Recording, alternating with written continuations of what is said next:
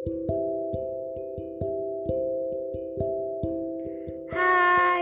apa kabar?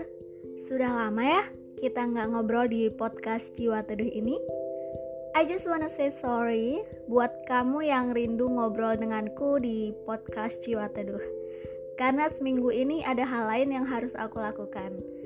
And um, sebelumnya aku mau bilang welcome August. Selamat datang di bulan Agustus, bulan yang menurutku bulan istimewa buat aku. Bulan ketika aku dilahirkan dan juga orang-orang tercinta di sekelilingku lahir. Dan kamu tahu kenapa aku tidak update podcast seminggu ini? It's because aku mulai workout lagi.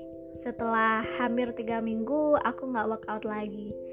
Jadi aku rasa ada penyesuaian dalam tubuh yang membuat otot-ototku mulai bekerja kembali.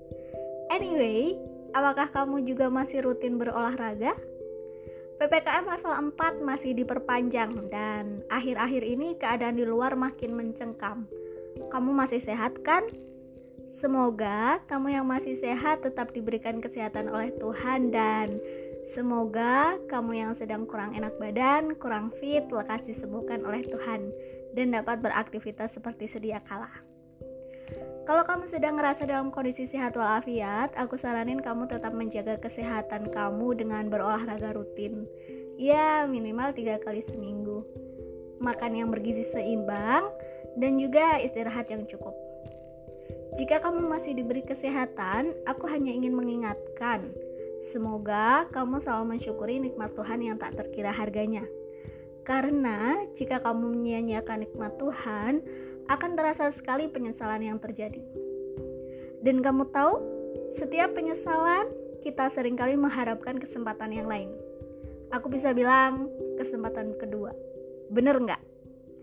Hampir setiap orang yang merasakan penyesalan berharap diberi kesempatan kedua. Um, ngobrolin soal kesempatan kedua. Aku pernah sangat meminta kepada seseorang, iya, kepada seorang manusia untuk bisa diberikan kesempatan kedua. Dan ternyata aku salah. Harusnya aku sadar diri sejak penyesalan itu datang. Harusnya ketika aku merasa menyesal, aku sadar bahwa tidak akan ada lagi kesempatan kedua. Bicara soal kesempatan kedua, hampir selalu ada di setiap kejadian dalam hidup.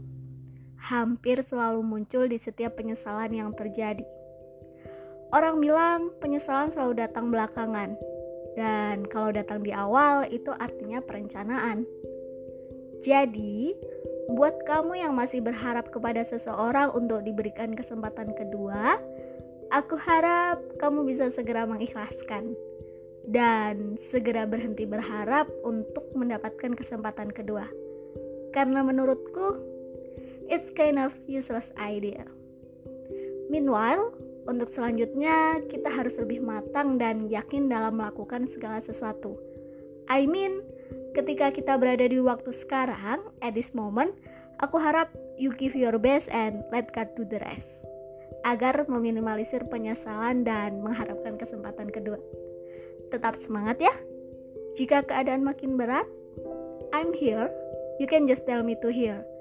Semoga malam ini jiwamu, jiwaku, jiwa kita lebih teduh dari kemarin. Selamat malam.